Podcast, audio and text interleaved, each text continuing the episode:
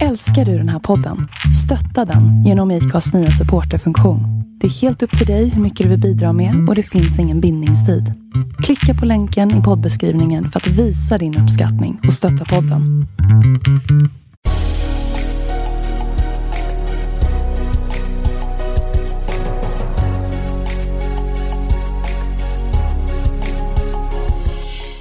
Välkomna till podden Vart är vi på väg? Med mig Jon Skoglund. Och med mig Jonathan Mellblom. I den här podden kommer vi intervjua framgångsrika sociala entreprenörer och experter inom ämnet socialt och impact entreprenörskap. Vi ger dig som lyssnare de bästa tipsen och den bästa inspirationen för hur man genom innovativa och entreprenöriella metoder kan hitta lösningar på samhällsutmaningar. Häng med!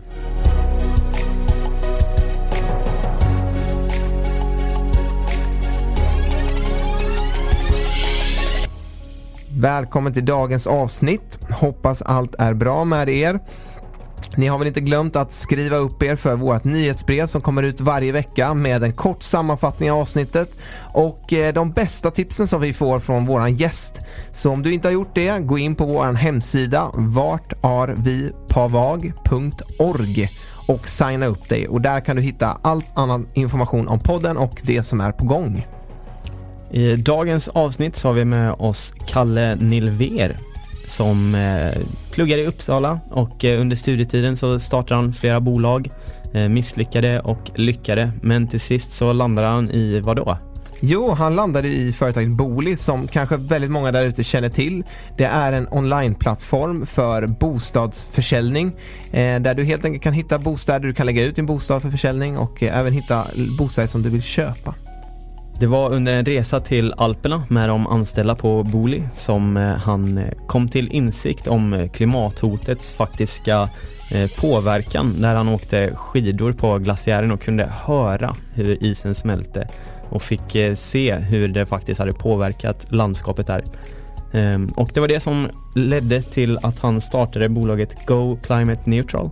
Ja, och Go Climate Neutral hjälper oss konsumenter och vanliga människor att ta ett första steg in att börja leva ett klimatkompenserat liv där vi för alla våra utsläpp och allt det vi påverkar miljön negativt kan kompensera på en månadsprenumeration. Eh, och mer om det här kommer vi prata om i avsnittet och vi är väldigt tacksamma för att Kalle var med och vi är väldigt inspirerade av hans eh, tankar och det han har delat och vi hoppas att det ska inspirera även dig där ute. Så häng med oss idag. Let's go! Ja, då sitter vi återigen här på Clarion Sign på Norra Bantorget och eh, det är en härlig sommardag och eh, vi ska spela in eh, podd här med eh, Kalle Nilver. Ja. Eh, varmt välkommen hit. Tack så mycket. Hur Kul. är läget med dig? Jo, men det är jättebra. Som sagt sommardag, lite, lite sugen på glass men eh, du kanske kan eh, fixa det lite senare i eftermiddag. Ja tyvärr så har vi ingen glass att erbjuda här men väl lite vatten och kaffe. Bra kaffe. ja det är bra. Favoritglass då? Eh, oj, det här var ju inte med på frågelistan ni skickade tidigare. Nej men eh, jag skulle nog säga 88 ändå. 88, ja. en klassiker. Ja. Mm, det är nog min med ska jag säga. Ja. Ibland är hungrig kör Daimstruten också.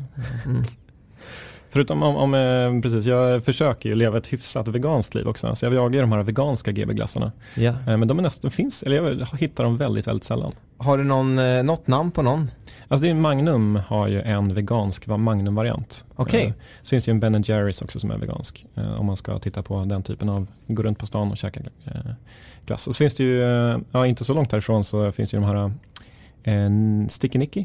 Mm. Just det. har jättemycket vegansk glass. Veganskt? Är det något med att du försöker äta veganskt eller har du liksom Du är inte hardcore att du är vegan eller är det mer liksom? Nej, jag vet inte. Jag pratar en del med folk om det här med vegan och begreppet och vad, vad man lägger i det och sådär. Jag skulle säga att jag kanske är 90% vegan. Uh, så jag försöker, alltså hemma äter vi bara liksom växtbaserad kost och Uh, när jag är ute och käkar på restauranger försöker jag alltid beställa veganskt. Uh, vissa ställen har faktiskt fortfarande inte veganskt, så man tar något vegetariskt istället. Då. Och så vissa saker som glass till exempel, där, där åker jag ju dit. Uh, det finns andra exempel också, godis är jag dålig på. Det finns ju vin och öl också innehåller ju vissa medel för att göra det liksom klarare. och det är inte helt veganskt oftast heller. Så det finns mycket, mycket sånt där om man ska, bli, om man ska gå till 100%. Mm. Mm. Och där är det lite så diminishing returns. Liksom det blir mindre marginalnytta från sista timmarna man måste investera i att kolla upp allting. Mm. Precis. Så jag försöker göra de, de stora grejerna som ger mest impact per, per livskvalitet. Mm. Men det är väl en bra inställning då att försöka göra det så mycket som möjligt. För det är ändå det det handlar om att göra många små val i vardagen eh, blir liksom någon stor impact på det långa Mm. man säger. Absolut, ja, det, finns så himla mycket bra veganskt mat och så många, många bra veganska restauranger också. också. Så det, det är ganska lätt att eh, göra ett veganskt val nu för tiden. Om man Mm. jämför med när jag blev vegetarian för tio år sedan. Det är ju som natt och dag. Mm. Hur, eh, hur ser en typisk dag ut för dig då? Ehm, ja, jag har precis eh, sagt upp mig för några månader sedan. Så det, jag kan inte riktigt svara på det. Jag är lite i övergångsläge. Eh, eh, när jag, man vaknar upp på morgonen med, med barnen såklart klockan alldeles för tidigt och sen så är det kaos i några timmar och sen så är jag lämnar förskolan och sen så beror det lite på då. Jag jobbar ju på Boli fortfarande några, några dagar i veckan fram till augusti, så några månader till. Eh, och annars så eh, styr jag ju över mer och mer åt det som jag tänker vi ska kanske prata om mer idag som är Go Climate Neutral, mitt sociala företag. Så eh, typ tre dagar i veckan eh, Go Climate Neutral. Jag har inget kontor eh, så jag hänger lite på stan på kaféer, ehm, träffar folk på restauranger och eh, så finns det lite så här gratis kontor också som vi sitter på ibland som jag åker till. Men det blir ett eh, trevligt sätt att nätverka med folk om man kan ta lite luncher här och där. Ja, verkligen. Eh, verkligen. Ja, Det är nog mitt favoritsätt att eh, träffa folk. Mm. Lunch måste man ändå käka och så brukar det bli lite mer avslappnat och inte så fokuserat. Jag försöker ha en lunch bokad varje dag. Men kortfattat då, du var lite inne på det här. Du står lite mellan två olika delar i livet. Mm. Dels har du varit med och grundat Booli. Vi kommer komma in lite mer på det sen. Mm. Eh, som är en eh, sajt för att eh, sälja och köpa lägenheter egentligen. Eh, och eh, sen har du också det här som du har drivit nu ett tag vid sidan av, Go Mm. Climate Neutral, som vi också ska prata om. Mm. Eh, det låter väldigt spännande. Eh, men eh, om du kortfattat kan berätta lite om din bakgrund, hur du växte upp och hur den biten såg ut liksom. Mm.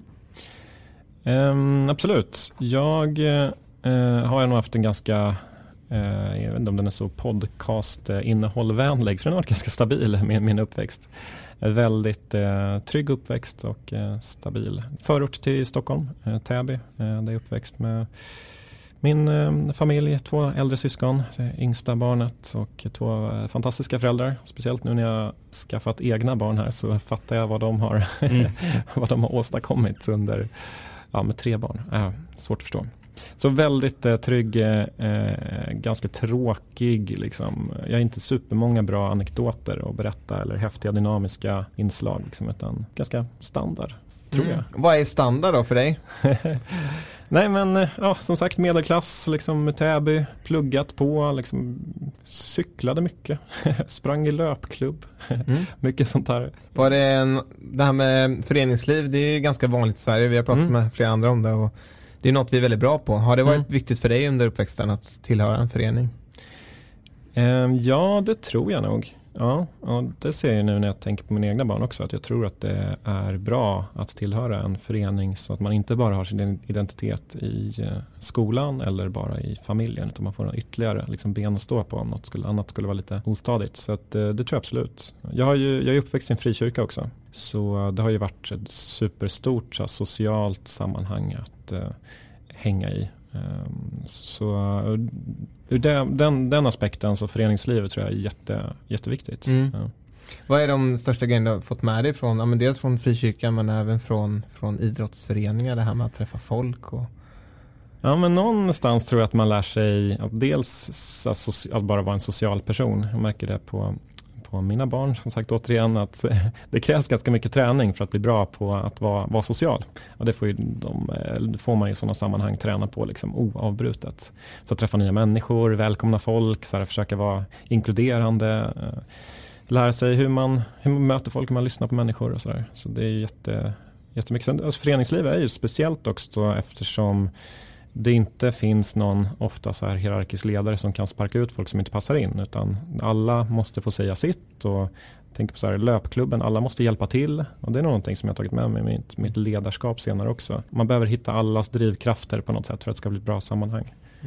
Håller du igång med träningen och löpningen än idag? Ja men lite grann. Det har blivit några maratonlopp och sådär så att eh, försöker, försöker vara igång. Jag har haft lite, jag börjar bli lite gammal, jag börjar närma mig 40 här så att jag eh, har lite, såhär, lite kroppsproblem, någon muskelinflammation som har hållit i sig i några år och sådär. Men annars så försöker jag, Jag tycker väldigt mycket om det, just tystnaden och vara ute och kanske några lurar i, i öronen så i och för sig inte blir tyst men ändå så vara var själv liksom inne i en bubbla, eh, ute och springa långt. Det gillar jag verkligen. Vad, vad får du ut av löpningen? Är det mer att koppla bort allt eller att få nya idéer till grejer eller? Jag tror att det är ett sätt för mig att koppla bort hjärnan eh, och bara vara ute och jobba med kroppen. Ja, men dels må bra fysiskt på längden men också framförallt att koppla bort hjärnan och vila upp huvudet. Liksom.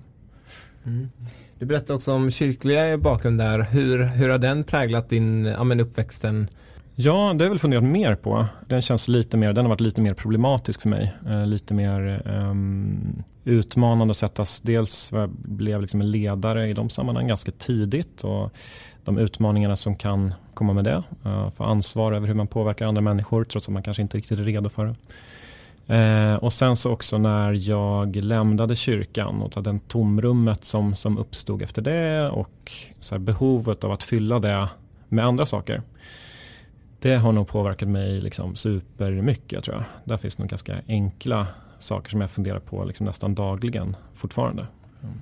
Vad är det för grejer, vad är det för grejer och vad var det som gjorde att du liksom gjorde den här, ja men att du lämnade det eller? Om man ska sammanfatta så eh, kände jag väl inte att det var rätt. Jag kände inte att jag kunde vara ärlig och vara mig själv i, i de sammanhangen. Jag kände inte heller att det var ett ärligt sammanhang att vara i utifrån eh, min verklighetsuppfattning som började eh, liksom, jag började förstå, försöka förstå världen mer och mer och att det liksom inte var kompatibelt med den världsuppfattningen jag fick från kyrkan. Eh, mm. Så det var nog det som, så här, det, det brast ihop lite, speciellt när jag började få här, närmare relationer med, med andra människor eh, och började nöta liksom, och gnugga de skillnaderna mer och mer. Så kände jag att ja, men här kan jag inte riktigt så här, försvara min liksom, frikyrkliga uppväxt, min, min tro. Människorna i frikyrkan har ju alltid varit fantastiska, superbra människor. Men just den, den tron, de delarna har aldrig liksom, eller det kändes väldigt genuint och äkta då men sen senare har det liksom helt enkelt inte varit kompatibelt med den så här, människa jag försöker vara idag. Men där finns ju, alltså det finns så otroligt mycket och, och om det här skulle vara en, en, en, en psykologisk podd så skulle ska man nog kunna gräva mycket där i just hur det har påverkat mitt, så här, mitt driv. Att så här, jag vill alltid försöka bevisa mig själv på något sätt genom mina företag, kanske nu så här, för att fylla liksom lite så här tomrummet och så jaga nästa grej. Att växa upp i ett sånt sammanhang när man finns ett sånt tydligt syfte för livet. Där är jag så här, ja men ja, allt som, som kristendomen liksom lovar. Eh, och sen så ta bort det, då blir det ju sånt, så här, okej okay, men vad är livet? De frågorna blir väldigt konkreta, speciellt om man inte känner att man har ett eh, bra svar att ersätta med. Mm. Eh. Om vi går in lite mot skolgången och sådär, hur, hur har den sett ut för dig och, och vad har intresserat dig i skolan och, och drivit dig framåt där?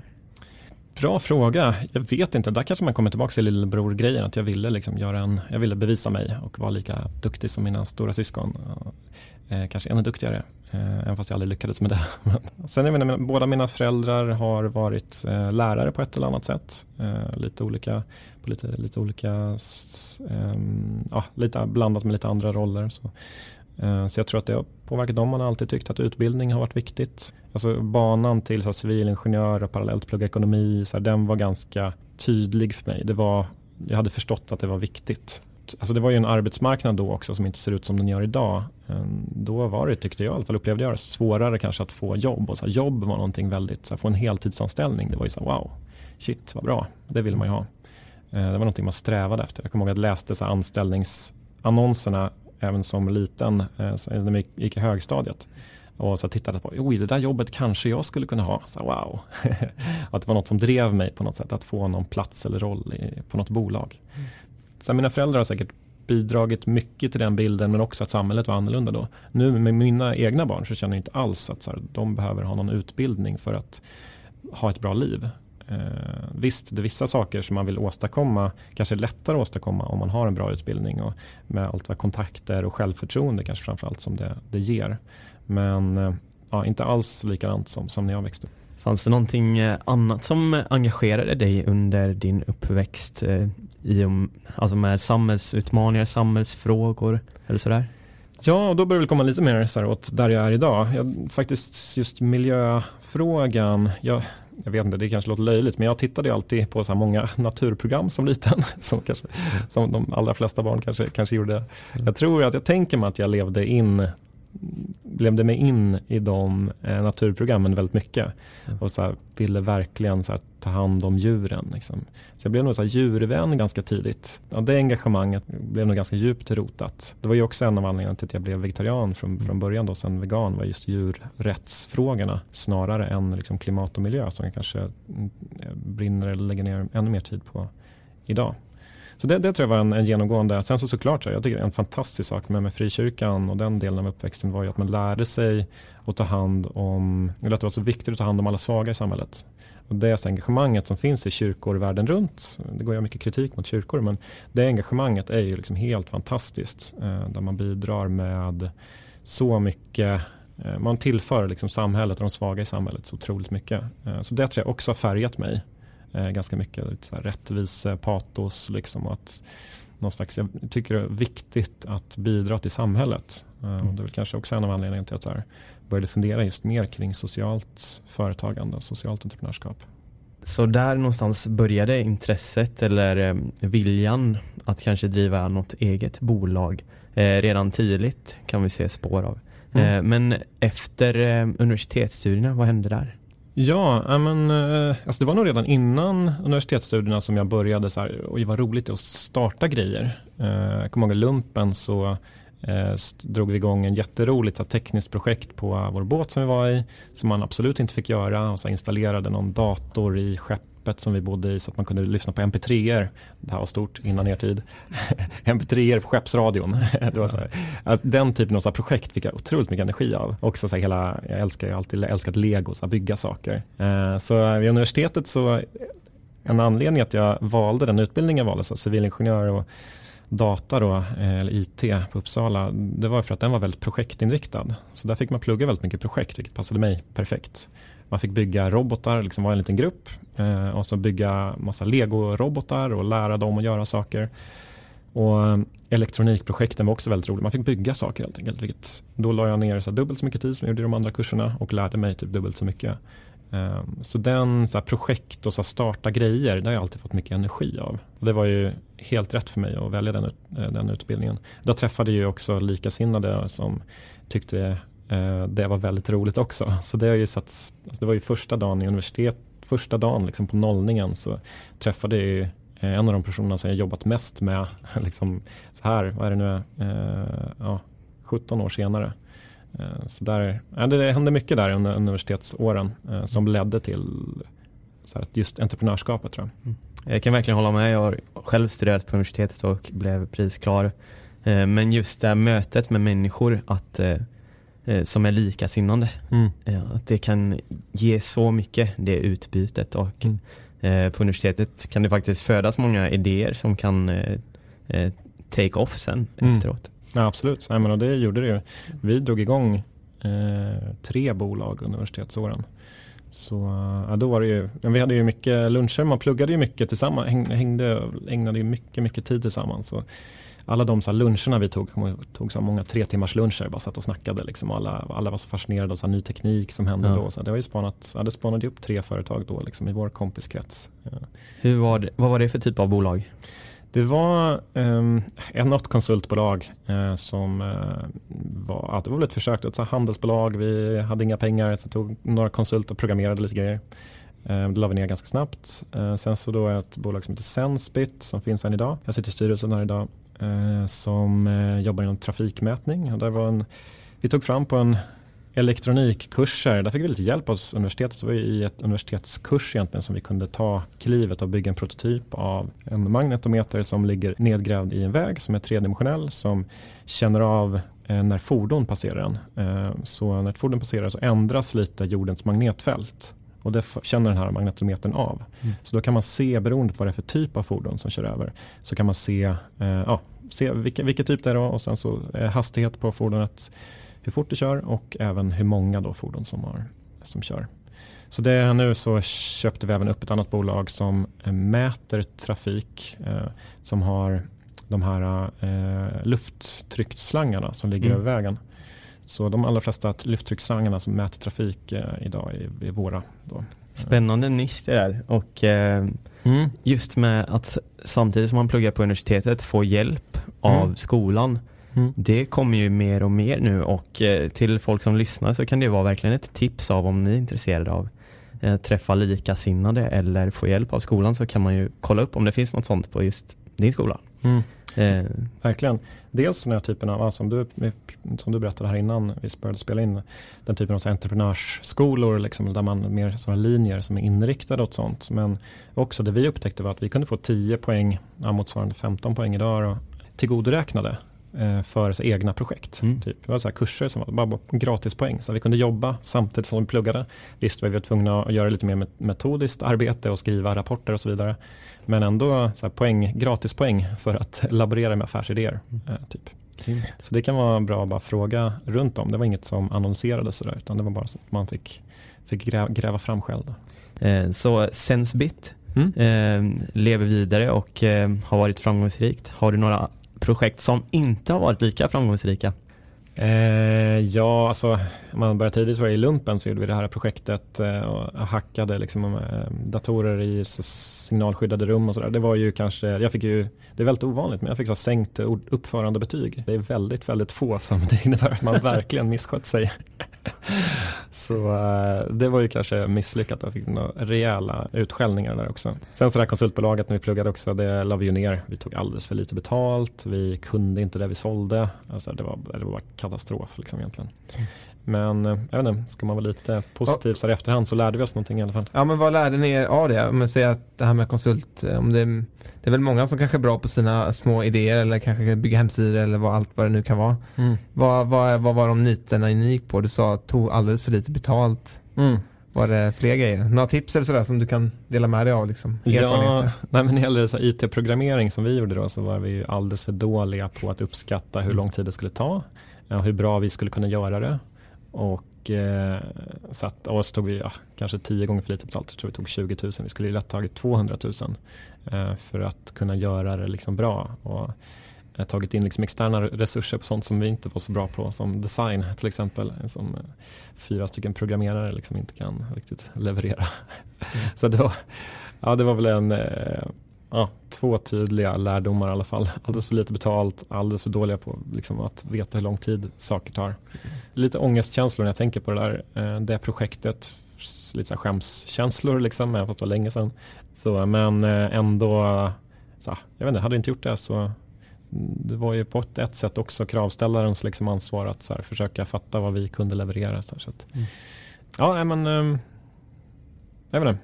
Det var totalt, totalt misslyckat. Några lärdomar absolut. Och hade vi inte gjort det så hade vi kanske inte vågat starta upp ett annat företag. Man insåg väl kanske först när man startade upp ett företag hur lätt det är.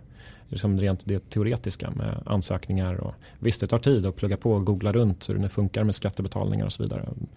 Eh, årsredovisningar som ska in och så vidare. Men eh, det är ganska lätt liksom rent. Eh, alltså, själva, vad säger man, kunskapshöjden är inte så hög. Man inte, det är inte så komplext. Även fast det är en del att lära sig. Intressant, bra tips. Och du har ju varit med och grundat eh, Boli. Ja, Hur, uttal, hur uttalar man det? Boli? Boli. Boli. Ja. Eh, kom det där eh, strax efter? Ja, det var faktiskt mitt exjobb på universitetet. Eh, Jag bodde i Berlin ett år och pluggade där. Jag jobbade på ett startup i, där också. Fick lite så känsla för internetindustrin och eh, vilka coola grejer man kunde bygga. Facebook släppte sitt så här F8-plattformen. Så här Google Maps började komma och så släppte ett API så man kunde se sin, så här, det var en superstor grej då, man kunde se sin brevlåda liksom, på internet. Så här, på en webb, I en webbläsare kunde man zooma in och se sin, sin brevlåda. Liksom Uh, med Google Earth och, och just de API. Så det hände så här sjukt mycket där. Så då Booli drog igång i samband med det. Jag uh, var precis klar i Berlin uh, och snackade ihop mig med mina gamla pluggkompisar då. Så här, vad ska vi göra? Eh, ska vi dra igång det här med, med Booli? Så hade vi ganska mycket tur och hittade andra jätteduktiga och mycket mer erfarna eh, medgrundare eh, som, eh, som kunde, kunde mycket mer om affärssidan och sånt där än vad vi kunde. Så eh, eh, ja, då, då drog det igång. Men så gjorde jag klart mitt. Det var också ett tips om man vill ha tips kring entreprenörskap. Så jag gjorde mitt exjobb 100% på Booli och det var ju liksom ett jobb och ett exjobb i och så här, starta ett bolag liksom i, sam, i ett. Mm. Det funkade ju jättebra. Bara man hittar en tillräckligt liksom hög teoretisk eh, nivå på, på det. Så, och kan tänka sig att lägga ner lite tid på att skriva en rapport. Så eh, funkar det bra. Hur, eh, du sa, du sa att dina medgrundare var flera av dina gamla studiekompisar. Mm. Eh, då antar jag att det var de här programmerarna, mm. det här programmerargänget. Yes. Sen sa du att ni omgav er också med lite annat typ av folk med lite Nej. annan bakgrund. Vad var det för någonting de tillförde? Eh, nej det var dels en barndomskompis till mig då från, eh, eller två barndomskompisar till mig från eh, eh Täby. Eh, så eh, de kunde ju mycket mer affär, försäljning, marknadsföring, eh, hur man får in kapital. För vi bestämde oss ganska tidigt för att få in kapital. Ehm, så det var två och sen så stötte vi på eh, två till personer som var lite mer seniora än vad vi var. och framförallt hade mycket, mycket bättre koll på kapitalanskaffning, också att driva ett bolag och ledarskap och alla de bitarna än vi hade. Eh, så det var väldigt, så här, efterhand väldigt liksom lyckosamt att vi, vi hittade rätt men också att vi kämpade väldigt mycket och en av mina medgrundare då väldigt, eh, ja, slet liksom otroligt mycket för att få in, få in de första eh, eh, pengarna i bolaget och få kontakt med människor som kunde hjälpa oss framåt och sådär. Så, så det är ett ganska mycket tur men också väldigt mycket slit. Liksom. Det finns ju en annan stor spelare i branschen som Booli är i, mm. eh, Hemnet. Mm. Hur eh, fanns de vid den här tidpunkten också? Ja, det gjorde de. Eh, det var väl de vi tittade på och tänkte så här, det där måste vi kunna göra mycket bättre. Vad var det ni såg att man kunde göra bättre? Eh, på den tiden så var det bara en lista med adresser som en tabell med massa adresser på. Eh, jag bodde i Uppsala, hade flyttat åtta gånger i Uppsala. Så jag var ganska trött på att flytta med så andrahandskontrakt och studentkorridorer och sådär. Så jag kollade på Hemnet, eh, såg de här adresserna, hade ingen aning om vilket, eh, vart de här adresserna låg någonstans. Och för mig var ju, för alla som letar bostad så är läget ofta väldigt viktigt. Vi ville ju ha så, ah, men shit, tänk om man bara kunde placera ut dem här på en karta, vilket man kan. Eh, så ska vi inte bara göra det och se om, det borde ju alla gilla mycket bättre.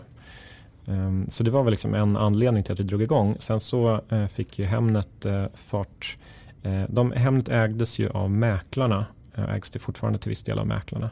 Så Hemnet hade ju alltid eh, tillåtelse att visa bilder på objekt, vilket på ett sätt är det är ju helt centralt liksom, om man ska visa mm. bostäder på en sajt.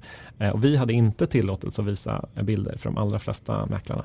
Så det var ju egentligen så här i efterhand också hål i huvudet, superkorkat att starta bo, ett, en bostadssajt utan bilder. Det är liksom världens sämsta affärsidé. Kan man ju så lätt konstatera. Det. Jag skulle aldrig starta Booli om jag skulle gjort det idag. Eh, men samtidigt så, visst det tog ganska lång tid. Det tog 10 år, 12 år att få igång Booli. Det tog väl 8 år innan vi, 9 år innan vi sålde Booli. Eh, men det kanske var 7 år innan det, eh, 6 år innan det verkligen tog fart.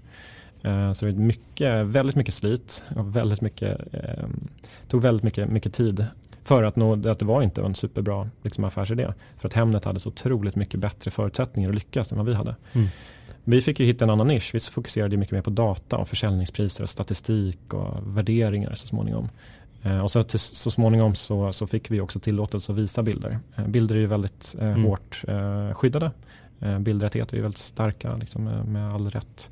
Så vi, kunde inte, vi kunde indexera mycket och visa mycket innehåll men bilder kunde vi aldrig liksom röra utan explicit tillåtelse. Då. Det tog många år innan det tog fart. Eh, hur var det att jobba i den liksom uppförsbacken? Var det nära att ni gav upp vid något tillfälle? Vi har ju varit väldigt nära att, att ge upp mm, många gånger men mm, samtidigt så har jag sett de här möjligheterna att det kan nog bli mycket bättre och vi borde ha förutsättningar för att kunna bli riktigt, riktigt stora. Så att jag ger det bara ett halvår till det var ett så återuppkommande mantra hos oss. Ja, vi skämtar om det ganska mycket idag. Så här, ah, men närmsta sex månader är så himla spännande. Det kommer hända jättemycket närmsta sex månaderna. Och så sex månader senare så bara, ah, det kanske inte hade hänt så mycket men vi såg en liksom lite positiv trend. Och så sa vi så här, ah, men fast de närmsta sex månaderna då, då kommer det smälla eh, och så vidare. Så att det har varit en, en lång, lång resa. Vi har haft väldigt kul tror jag, en nyckel på vägen. Det har varit väldigt, väldigt roligt gäng. Eh, superbra människor och eh, rolig teknik, en ganska rolig bransch. Så här mycket, många som pratar och tänker och tycker kring bostäder. Så att det har nog gjort så att vi överlevde ändå så pass länge. Och sen då lyckades ni till slut då få stor aktör som vill gå in och köpa upp bolaget. Delar av det eller hela bolaget? Hela bolaget. Mm. Och det var för hur många år sedan? Det är tre år sedan, tre och ett halvt år sedan. Mm. Hur var den eh, känslan liksom att få, få göra en exit? Var det skönt? Var det kul? Såklart säkert jättespännande liksom, men hur kändes det för dig? Eh, väldigt blandat. Eh, det var en, eh, kommer vi skrev under de här eh, sista papperna, då hade jag ju kämpat i ganska många månader med en due diligence-process när man går igenom och ska granska ett bolag inför försäljning. Jag var rätt slut, hade stått utanför mitt hus, med grannhuset någon gång och så här, tittat på det här grannhuset med min tvååring i handen och tänkt så här, är det här jag bor? Eller är det ett annat hus jag bor? Så jag vet inte vart jag bor någonstans. Mm. Så att jag var slut i huvudet efter den väldigt intensiva perioden. Så att jag var, jag var blandad, blandade känslor. Dels superskönt att den är klar, så här processen och så här, vi fick som vi ändå ville. jag var väldigt liksom, nöjd med eh, köparen SBAB som är en, en väldigt framåttänkande bank med superhärlig ledningsteam som det kändes som att vi verkligen connectade med och som vi kändes som att vi verkligen det fanns mycket bra synergier där. Så det skulle bli roligt att jobba tillsammans och fortsätta att förändra bostadsmarknaden och förbättra bostadsmarknaden. Så det var kul. Eh, samtidigt såklart så är det ju eh, olika saker att vara liksom, ja, 20 personer som vi var då. Eh, nu är väl 40 men, men då var vi 20 personer som satt liksom i en liksom sliten lokal, så här, kämpat oss dit själva till att eh, bli en del av en, en, organisation som är 500 personer. Så det var ju också så här, ja, eh, bland, blandade känslor. Också medgrundarna satt ju dels i styrelsen och hela min styrelse böts ut då. Eh, så jag fick, en helt ny styrelse, en ny chef liksom och sådär. Superbra människor återigen men, men annorlunda. Mm. Och eh, där har du fungerat som vd under hela tiden eller under delar av tiden? När jag började som programmerare, alltså jag har verkligen eh, eh, skrivit jättemycket kod i början. Eh, sen så var det fyra och ett halvt år sedan då, så tog jag över som vd. Vi var ett kompisgäng, så kämpade väldigt hårt, vi var bra på olika saker, kompletterade varandra väldigt bra. Ibland kändes det naturligt att jag fokuserade på tekniken och någon annan hade mer vd-jobbet. Och ibland kändes det som att, ja, men, efter, då för fyra och ett halvt år sedan kändes det som att jag var redo att testa vd-rollen. Och eh, försöka fatta vad den innebar och tänkte att jag verkligen ville satsa också och försöka få upp Booli till en, en, till en, här, mycket större nivå. Så det kändes eh, jätte, jättekul, eller mycket energi. Liksom. Det är väl också en anledning till att vi höll på så länge, ändå 12 år då totalt. Vi alla kände att vi hela tiden utvecklades, vi fick testa olika roller. Eh, det var, inte, det var aldrig liksom samma sak. Och de här sex månaderna återigen, så det var alltid något nytt som, som höll på att hända. Eller något nytt, så personlig utmaning eller för, för bolaget som helhet. Vad skulle du säga signalerar ditt ledarskap? Så jag är en ganska, det kanske inte eh, märks när man sitter i en podcast och pratar om sig själv. Men jag är ju väldigt eh, eh, introvert. Eh, jag är inte alls den här liksom extroverta vdn som står och pratar inför alla anställda och så har eh, eldiga tal. Jag är heller inte den som är speciellt bra på eh, liksom att få med mig massa eh, mediebyråer eller att så här, verka framgångsrik. Jag är ganska så här, introvert, pratar ganska lite, liksom oftast i mitt ledarskap förutom när, eh, ja, överhuvudtaget pratar jag ganska lite förutom när jag är inbjuden till en podd. Så mm. Men eh, så och det tycker jag, så alltid ta ett steg tillbaka och försöka lyssna in rummet. Det, det är väl nyckeln till mitt ledarskap. Så försöka lyssna in, förstå människors drivkrafter och sen röja undan hinder. Så att människor jobbar bättre liksom själva, eh, bättre utan mig, tar beslut utan mig, är liksom helt självdrivande. De ska aldrig behöva komma och fråga mig om tillåtelse. De ska veta själva liksom vad som gäller. Så väldigt, liksom, jag försöker se organisationen som en upp och nedvänd pyramid. Att jag är liksom längst bak. Jag gör så admin-grejer, ser till att alla springer åt samma håll visserligen. Men eh, det är ju liksom, jag vet inte, men coach kanske ett bättre ord mm. för så ett, jag, vet inte, jag tänker mig ett amerikanskt fotbollslag, jag vet inte varför, men där finns det ju massa så taktiker och massa så här, olika spelsätt Uh, där jag kanske står med vid sidan av planen och försöker coacha folk och så här, oh, men hit har du tänkt på det här och den här, liksom, här kanske finns en fri yta att springa på. Mm. Eh, sen kanske jag är med ute på planen ibland också. Jag är med på möten. Jag kanske sitter bredvid någon och kodar någon gång. Jag är väldigt så driven som person så jag tycker det är otroligt viktigt att det blir bra. Så jag engagerar mig gärna. Men tar alltid, alltid liksom först efter jag kollat att eh, jag inte liksom hindrar den andra personen från att fatta bättre beslut liksom, utan mig. Oftast om någon frågar mig en fråga i mitt, som, som ledare eller som vd eh, så brukar jag ju liksom medvetet ta ett steg tillbaka eller så här, fundera på frågan lite så här, ja just det, ah, du undrar här, så, okay, vad innebär det, vad, vad tycker du? Liksom, brukar jag fråga tillbaka då istället. Eh, just för att här, spegla och få den andra personen att tänka själv och vänja in alla medarbetare med att här är ett ställe man, man tar beslut själv. Man behöver inte kolla med Kalle hela tiden. Du har varit på Booli, du sa innan att nu står lite mellan två delar. Eller du är egentligen inne i Go Climate Neutral redan som du har haft ett tag. Och mm. nu håller du på att trappa ner från Booli och gå in hel, heltid i det här. Och berätta mm. lite om Go Climate Neutral, kortfattat eran, eran affärsidé, eran pitch liksom. Vad är det ni gör och hur kan man vara med?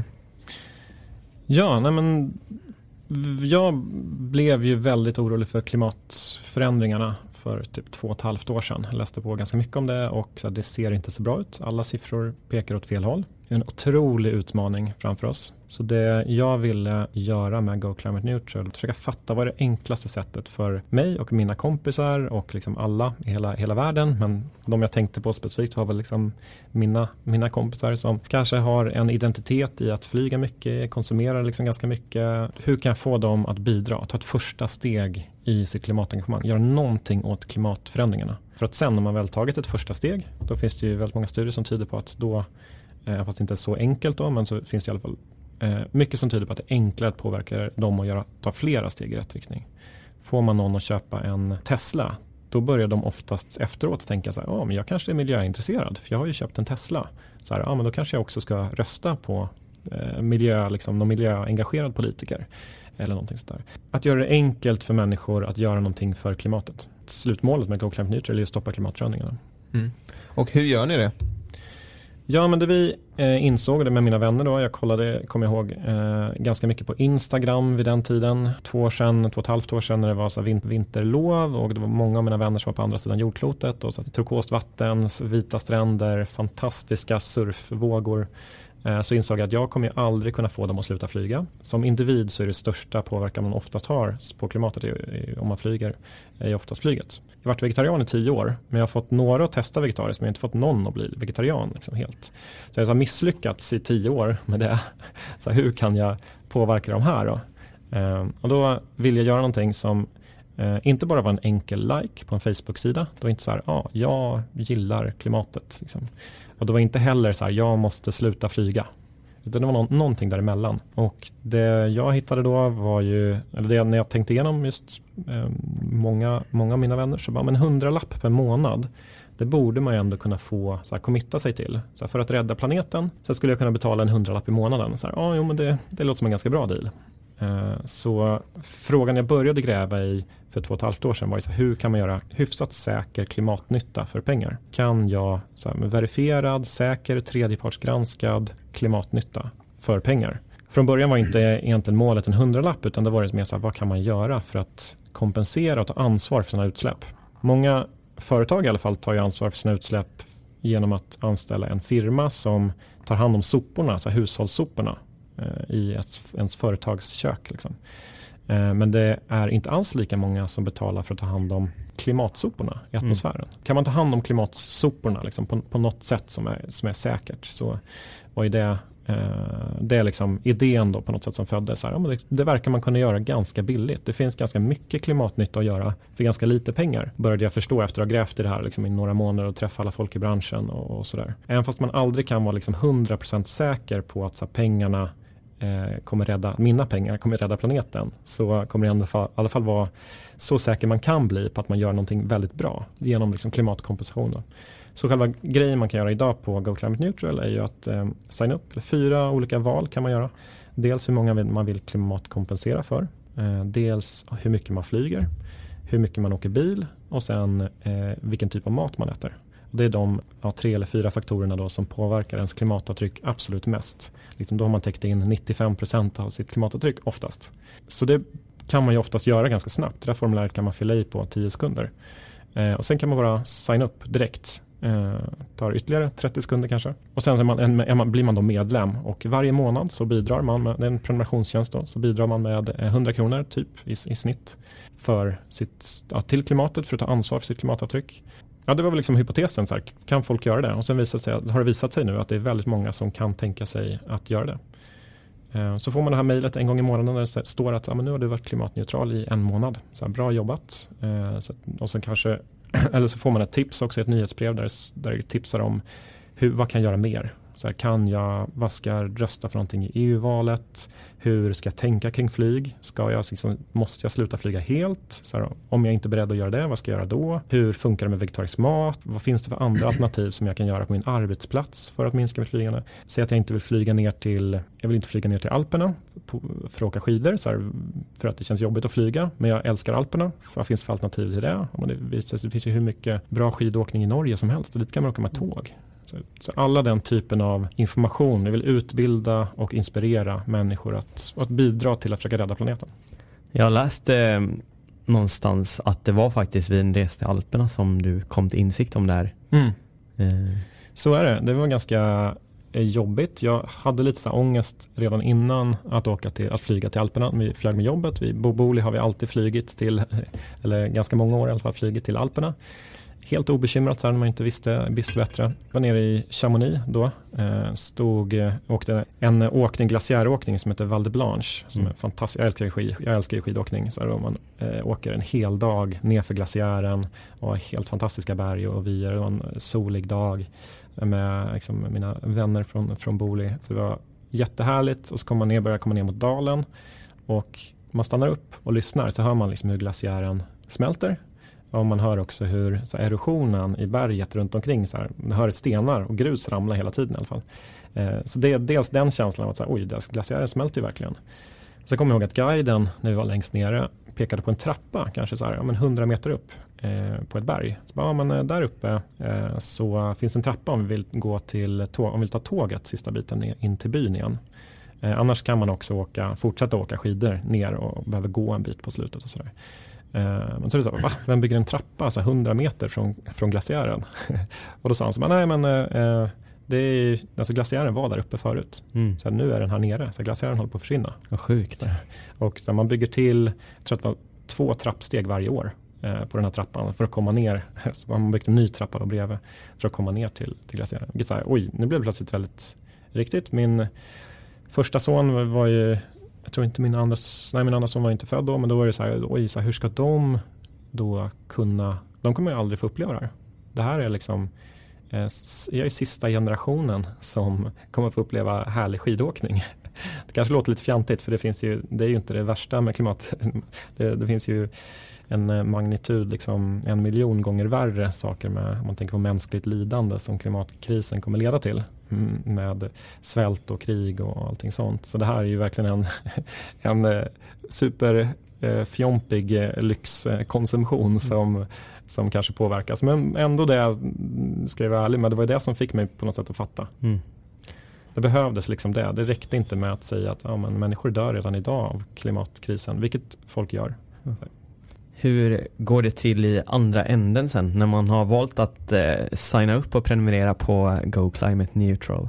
Eh, vad gör ni för pengarna och på vilket sätt eh, klimatkompenserar man egentligen?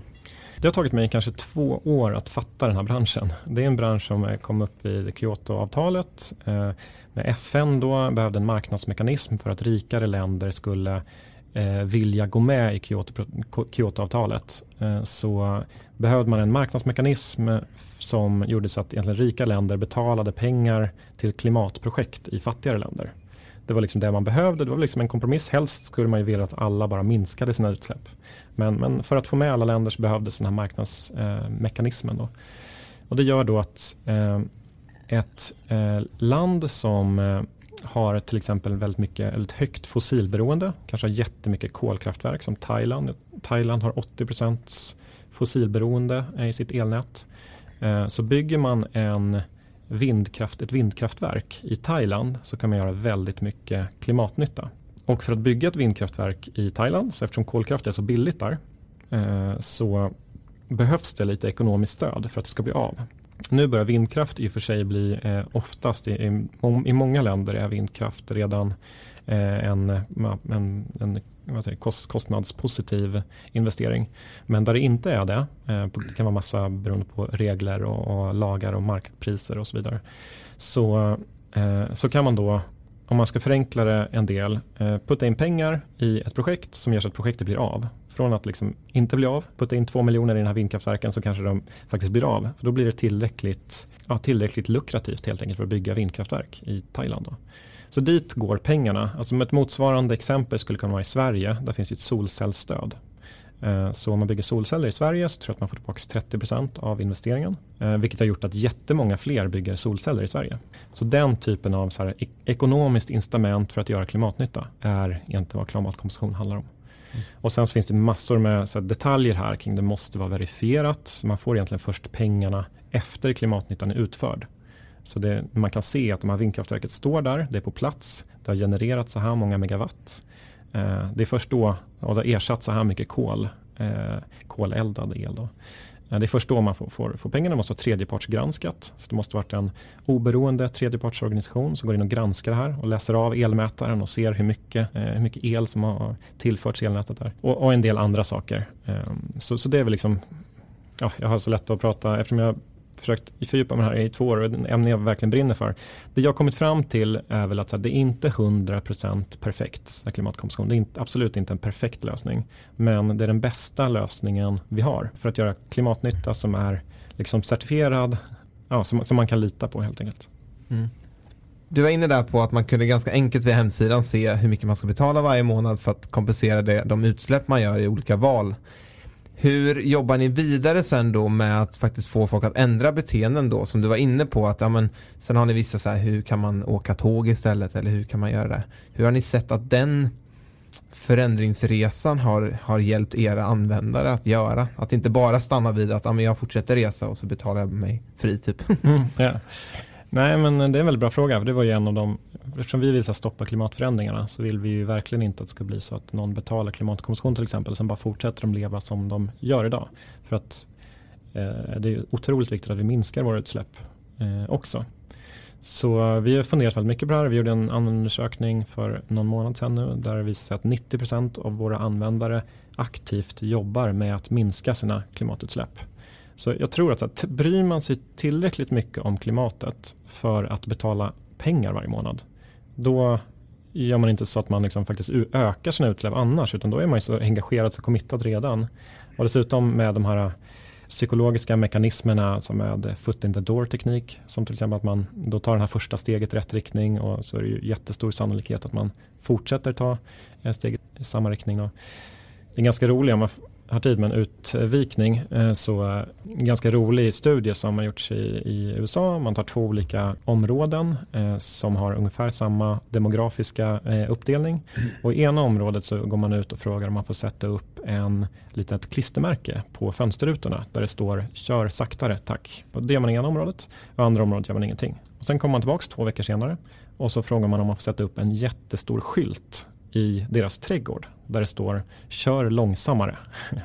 och eh, då visar det sig att det är området där man först har fått någon att ta ett första steg. Eh, där de satt upp den här lilla skylten. Där är det ja, i storleksordningen 80% som sätter upp den här stora skylten i trädgården. Och i det andra området så är det 17% som sätter upp den här skylten.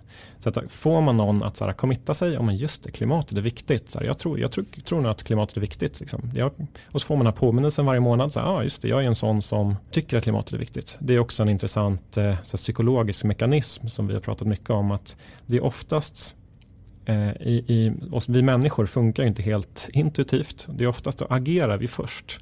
Och sen när vi väl agerat så motiverar vi det beteendet liksom i, med våra värderingar och, och så vidare. Så som jag sa tidigare, så köper man en Tesla så kanske man inte gör det av miljöskäl. Men sen när man väl köpt den så bara, just det, jag kanske är miljövän förresten. Och så börjar man göra mer miljöval. Så det är ju en väldigt så tydligt eh, drag hos människan också. Så den påverkar ju också att man först säger, ja men jag, jag har agerat, jag är nog klimatintresserad. Jag tycker ju, så jag betalar ju 100 kronor i månaden, allt så måste jag tycka att klimatfrågan är viktig. Jag kan verkligen eh, bekräfta det du säger med insteget att Eh, organisationen där jag jobbar, vi gjorde en resa eh, en gång eh, med 150 personer där vi flög. eh, men klimatkompenserar senare. Eh, och det har faktiskt lett till att vi har tagit andra action steps för att liksom minska resandet med flyg till exempel och mm. med att saker som vi köper in för fika och sådär liksom. Ja. frukt, att det ska vara ekologiskt och så vidare. Så mm. att det är verkligen eh, följdeffekter så jag kan bekräfta det också. Mm. Mm. Ja, och jag kan känna liksom att om jag börjar göra vissa val åt den riktningen då, då känns det som att om jag inte gör det i andra avseenden då känns det onödigt att göra det mm. i det första läget vilket gör att då vill jag ju göra det i fler lägen mm. för att det verkligen ska ha någon, någon påverkan liksom. Mm. Men eh, jag tänkte också på det här era kunder liksom, det är ju alla egentligen, det kan ju vara vem som helst såklart. Mm. Men vad, vad ser ni liksom är den största målgruppen som du har landat i det här? Jag tror att det är de som bryr sig lite grann om klimatet. De vet att det är jobbigt. De kanske inte har läst på supermycket om det. Men de vet inte vad de ska göra. De vet inte vad de ska göra åt det.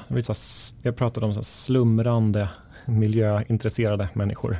De går, åker runt, de kanske flyger fortfarande, de äter ganska mycket kött men, men de vill ju göra någonting. Jag vet inte hur, de ska komma igång. Och de andra stegen, att kanske sluta flyga, det känns som ett för stort steg. Det är miljöintresserade människor som bryr sig eh, men som kanske inte tagit hela steget. Men vi märker också att vi har jättestor andel av våra användare är sådana som redan är veganer. De flyger inte eh, och eh, de har ingen bil. Då har man ju ändå ett avtryck genom liksom konsumtion och samhället vi lever i. Och det samlade avtrycket från oss som samhälle. Så det är väldigt många som känner också att jag har gjort allt. Jag vill göra någonting mer. Så jag vill försöka bidra på ytterligare sätt. Men det är också företag som eh, klimatkompenserar via Go Climate Neutral. Mm, absolut, ja, vi har ett hundratal företag som, är, som klimatkompenserar via oss också. Som vi hjälper till att eh, beräkna deras klimatavtryck. Det har också växt jättemycket på sistone. Antalet företag som hör av sig till oss och vill ha hjälp med att fatta vad de ska göra. Eh, och eh, där kan vi hjälpa till med både alltså klimatberäkningar då och visa att ja, men oftast i 80% av fallen så är det ju, om vi pratar om tjänsteföretag, så är det oftast flyget. Så här, Oj, ni flyger för mycket. Så här, men då inser de det. Förhoppningsvis så får de ett verktyg då att inse att ja, här kan vi göra ganska mycket klimatnytta genom att flyga mindre. Eh, andra kan vara en sån enkel grej som att byta till grönt eh, elavtal som, eh, som bidrar i alla fall till den gröna omställningen. Så, så det hjälper vi till med och sen så hjälper vi gärna till med liksom själva klimatkompenseringen också. Mm. Det finns ju många lågt hängande frukter egentligen som man kan Eh, plocka där. Men då går ni in vad gäller företagen på ett mer eh, djupare sätt och hjälper till. Ja, alltså dels kan vi konsulta i lite mer komplicerade företag. Det gör vi ibland. Men då, det tar ganska mycket tid att eh, analysera ett företags klimatavtryck om man ska göra det på ett trovärdigt sätt. Så det gör vi ganska sällan faktiskt. Ut till utvalda kunder kan vi göra det. Men så försöker vi hitta en skala i det här. Så en automatis- vi har tagit fram ett, ett, automatis- ett formulär Eh, där vi tagit fram de absolut största, vanligaste eh, utsläppsfaktorerna för ett företag som man kan fylla i då och göra det här automatiskt helt enkelt. Men det tar fortfarande en del tid från företaget. Man måste vara beredd att lägga någon timme eller två på att faktiskt sammanställa vad gjorde vi 2018 om man vill klimatkompensera för förra året. hur mycket flög vi? Vad har vi för elavtal? Eh, och så vidare. Så det, det, är en del jobb från, från företagens sida men det är ju oftast otroligt uppskattat från de företagen vi pratar med. För att de har velat göra någonting länge men de har inte vetat återigen vad de ska göra. Och de, många har ju medarbetare som är frustrerade och vill så här, ja, men vi vill göra något. Och det, typ det man kommer på att göra är så här, men vi vill sopsortera på kontoret. Men alltså, man måste sopsortera 20 år om man ska alltså, komma upp i lika stora utsläppsminskningar som att skippa en flygresa. Det är inte där vi kommer lösa klimatkrisen eh, genom att sopsortera. Så, så det vill liksom försöka hjälpa dem, alltså guida dem till andra grejer att göra som gör större impact. Precis, och när vi är inne på det med impact och liksom kunna mäta den, hur vilka typ av så här, mättal har ni i, era, liksom, i eran business som ni ser, liksom, så här, när har ni gjort impact? Hur räknar det den? Mm.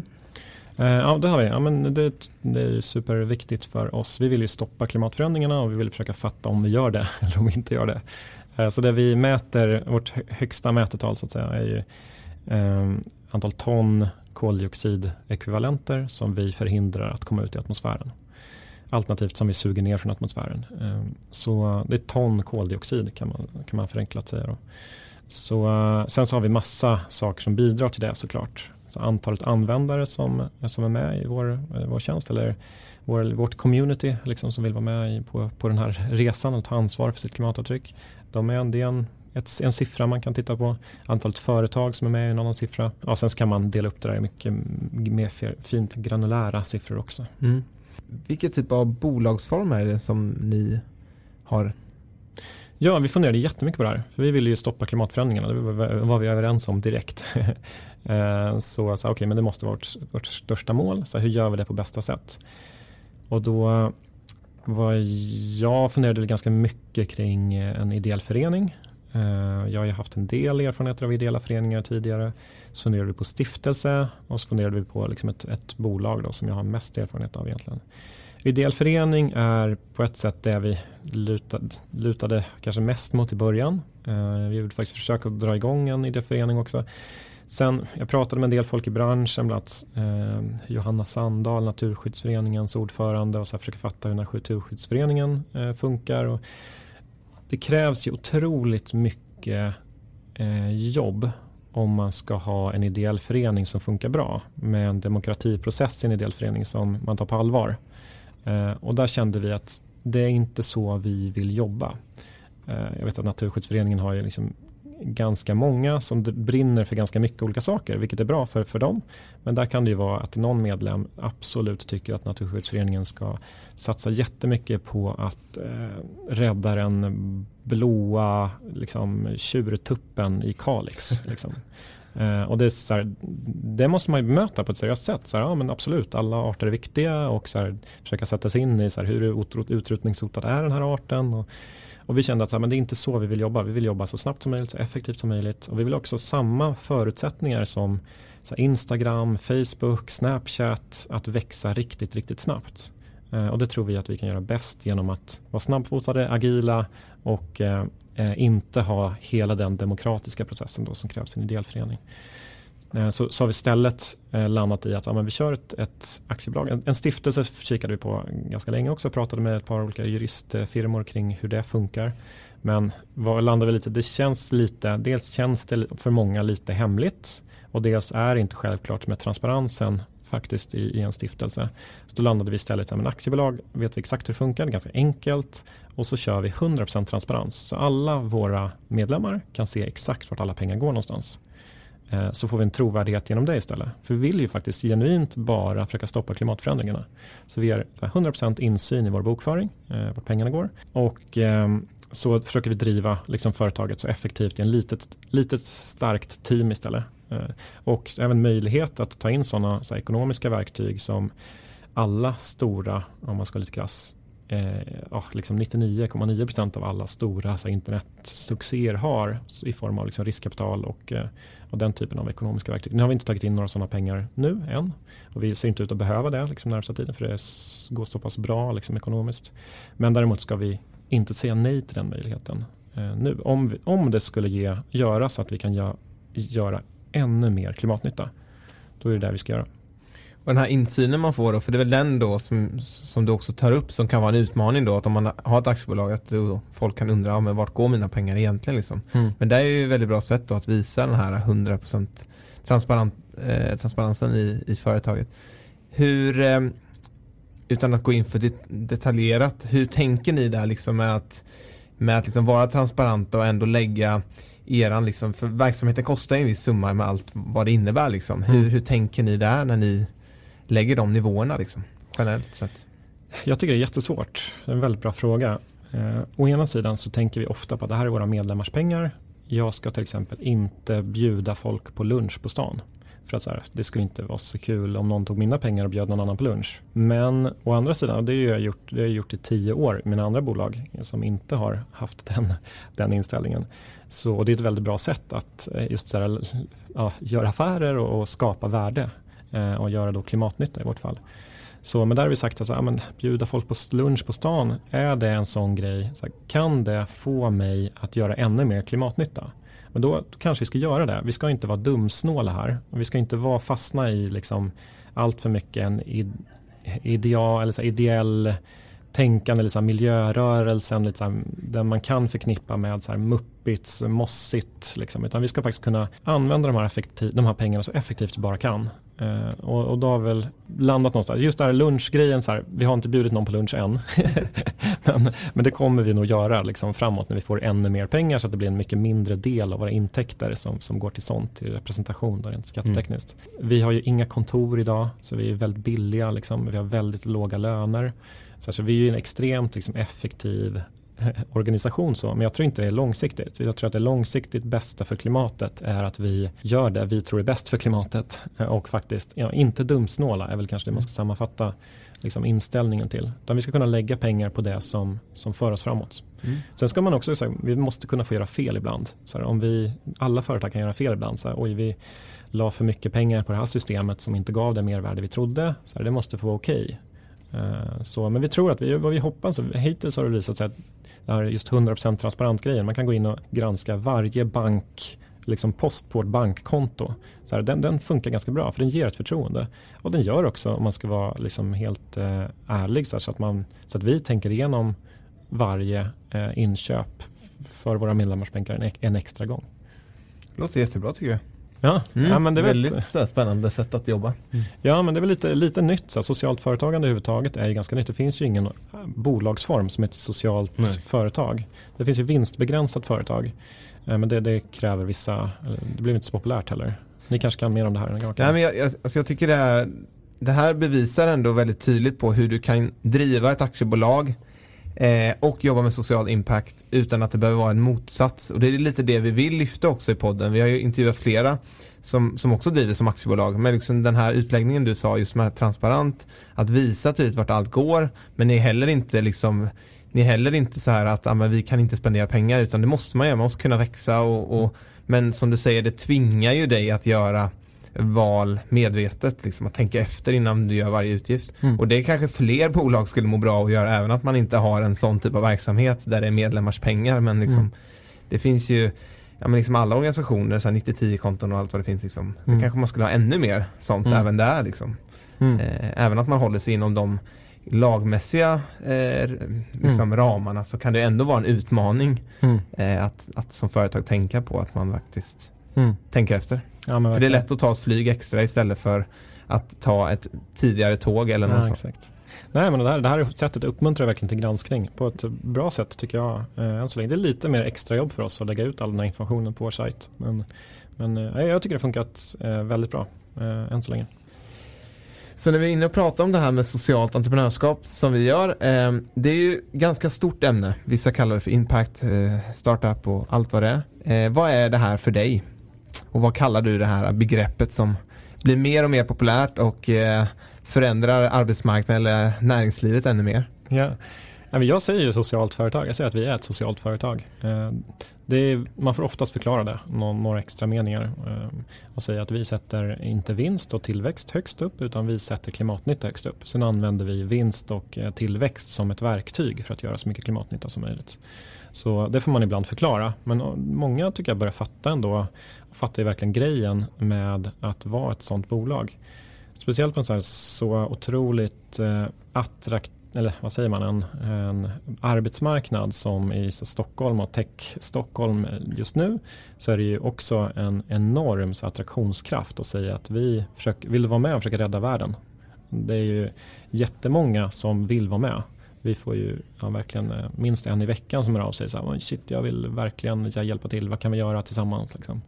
Eh, så, så, socialt företagande och det, det begreppet gillar jag. Eh, impacts, vi får se vad som kommer vinna i längden. Vi har inte någon, så här, någon stakes i något begrepp utan så här, vi vill bara försöka stoppa klimatförändringarna. Så får vi se vad, vad folk, eh, folk säger liksom, framåt. Och eh, begreppet, eller det vi, ni håller på med att verkligen försöka stoppa klimatförändringarna som du säger, en långsiktig vision. Men om vi kollar på lite halvlång sikt här på tre års tid, hur, hur ser det ut för er med Go Climate Neutral? Vad har ni på gång framöver? Um, ja, men vi anställer folk nu så vi kommer försöka bli tre, tre personer till här under hösten. Uh, så bygga ett fantastiskt team tror jag jättemycket på. Lite som vi pratade om ledarskap förut. Så jag, vi är liksom väldigt agila, vi har ingen så exakt roadmap utan vi får se vad som gör mest klimatnytta. Sen så har vi massa hypoteser kring vad det ska kunna vara. Eh, vi tittar nu på att göra ett, ett, verktyg där man kan visualisera sina utsläpp som privatperson mycket mer. Eh, vi tror att det kommer vara många som vill, eh, många av våra användare som vill se, ja men titta för tre år sedan så åt jag fortfarande kött och flög mycket. Så nu fattade jag det här. Så nu har jag faktiskt minskat mitt flygåkande. Så här, och här är jag. Nu kanske jag har sju ton utsläpp per år. Men enligt Parisavtalet så måste vi 2020, alltså redan nästa år, ner till fem ton per person. Så, oh, men då kanske man ser det också i en, ett snyggt visuellt verktyg. Så jag måste ner hit, så vad kan jag göra för att göra det? Om jag kanske kan äta mer vegetariskt, jag kanske kan bla bla bla. Så den typen av så här, verktyg för att visualisera ens utsläpp eh, tror jag är bra. Sen så vill jag även försöka hitta något sätt, men det har vi inte knäckt än riktigt, något sätt för våra medlemmar att bidra mer. Det finns så många bra idéer och bra initiativ och jag tror ju att det, vårt räcker verkligen inte utan vi måste ju göra mycket mer. Det finns många politiska initiativ, det finns mycket så demonstrationer på stan, det finns andra tjänster som gör liksom liknande saker som, som oss. Om vi kan få kraften på något sätt av våra medlemmar att lyfta upp de initiativen. Så att våra medlemmar kan stötta inte bara oss utan ännu fler grejer.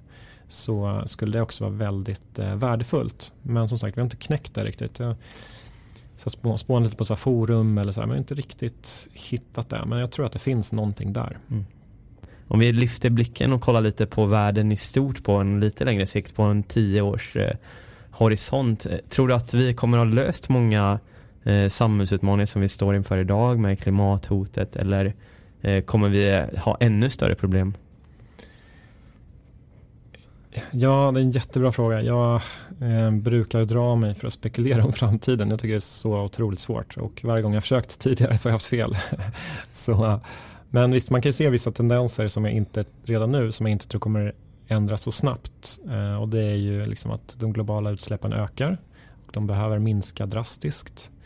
Eh, jag tror att Sverige har kommit ganska långt när det gäller medvetenheten också. Så många europeiska länder eh, har kommit ganska långt när det gäller medvetenheten kring det här. Men tittar man globalt sett så eh, ser det rätt, eh, rätt mörkt ut. Eh, det sagt så det gör mig bara ännu mer sporrad att jobba för klimatet. För att jag vet att varje ton som jag minskar nu, det kan faktiskt ha riktig skillnad för det är en, så vi är redan över linjen så vi kommer missa en och en halv graders målet. Det är redan eh, Eh, det, det, är ju, ja, det går liksom inte att argumentera för det trovärdigt att vi kommer klara det. Så tvågradersmålet ska ju extremt mycket till om vi ska klara det.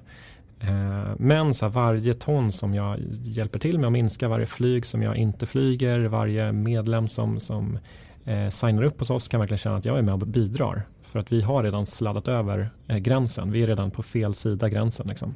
Vi, det kommer vara väldigt många människor som dör, enorma mängder mänskligt lidande som orsakas direkt eller indirekt av klimatförändringarna. Så um, det kommer ju, tror jag, göra, om tio år då, om man kommer tillbaka till det, så, så då handlar det mycket om att, eh, så, jag tror att den medvetenheten kring det kommer ha ökat jättemycket. Jag tror vi kommer ha vänt det lite grann, men jag tror vi kommer vara långt ifrån eh, framme och där vi vill vara.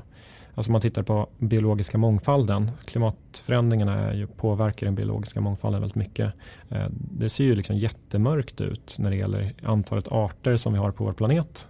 Ehm, så, att, så att de kommer vara betydligt, betydligt färre om tio år då, det känns också om jag ska våga mig på två förutsägelser så är det väl, så är det väl de två. Då. Klimatförändringarna kommer vara, vara värre och medvetenheten kommer vara mycket större. Eh, och sen så just att eh, biologiska mångfalden kommer vara eh, rätt deppig. Vi brukar alltid avsluta på den här med att få lite tips från våra eh, gäster. Eh, och eh, ja men om det är någon där nu som, som du liknande men kanske inom något annat område skulle vilja, vilja göra någon förändring. Man kanske har likt dig fått en, en aha-upplevelse inom någonting och eh, vill ta det här vidare. Hur skulle du vilja tipsa den om att gå tillväga just nu? Om man säger att det är en som är en startfas här nu, man har en längtan efter något. Mm. Uh, alltså jag har så många tips för jag har gjort fel så många gånger. så att det, eh, men uh, om man tar de stora grejerna i mitt liv i alla fall som jag tycker gjort skillnad så är det uthållighet en av dem man tittar på både Booli och Senspit och så här, tio år tog det innan vi, okej okay, nu är det kanske lite hårt, men fem år i alla fall innan vi blev, växte till oss eh, ordentligt. Så det har tagit lång tid. Eh, så uthållighet är liksom mitt, mitt tips. Också att eh, våga förändra modellen längs vägen. Så man kanske börjar någonstans så lär man ju sig otroligt mycket tycker jag första halvåret man jobbar med ett nytt område eh, första året. Och det, de lärdomarna ska man ju ta, till, ta tillvara. Jag har börjat tänka väldigt mycket mer kring hypoteser. Så här, ja, men vad har jag för hypotes? Jo, men en hypotes om att jag kan få människor att förändra sina, sina eh, livsvanor och påverka eh, sin, sin omgivning om de tar ett första steg. Ja, men en hypotes, då får man testa den. Jag vet ju inte, jag kan aldrig vara 100% säker.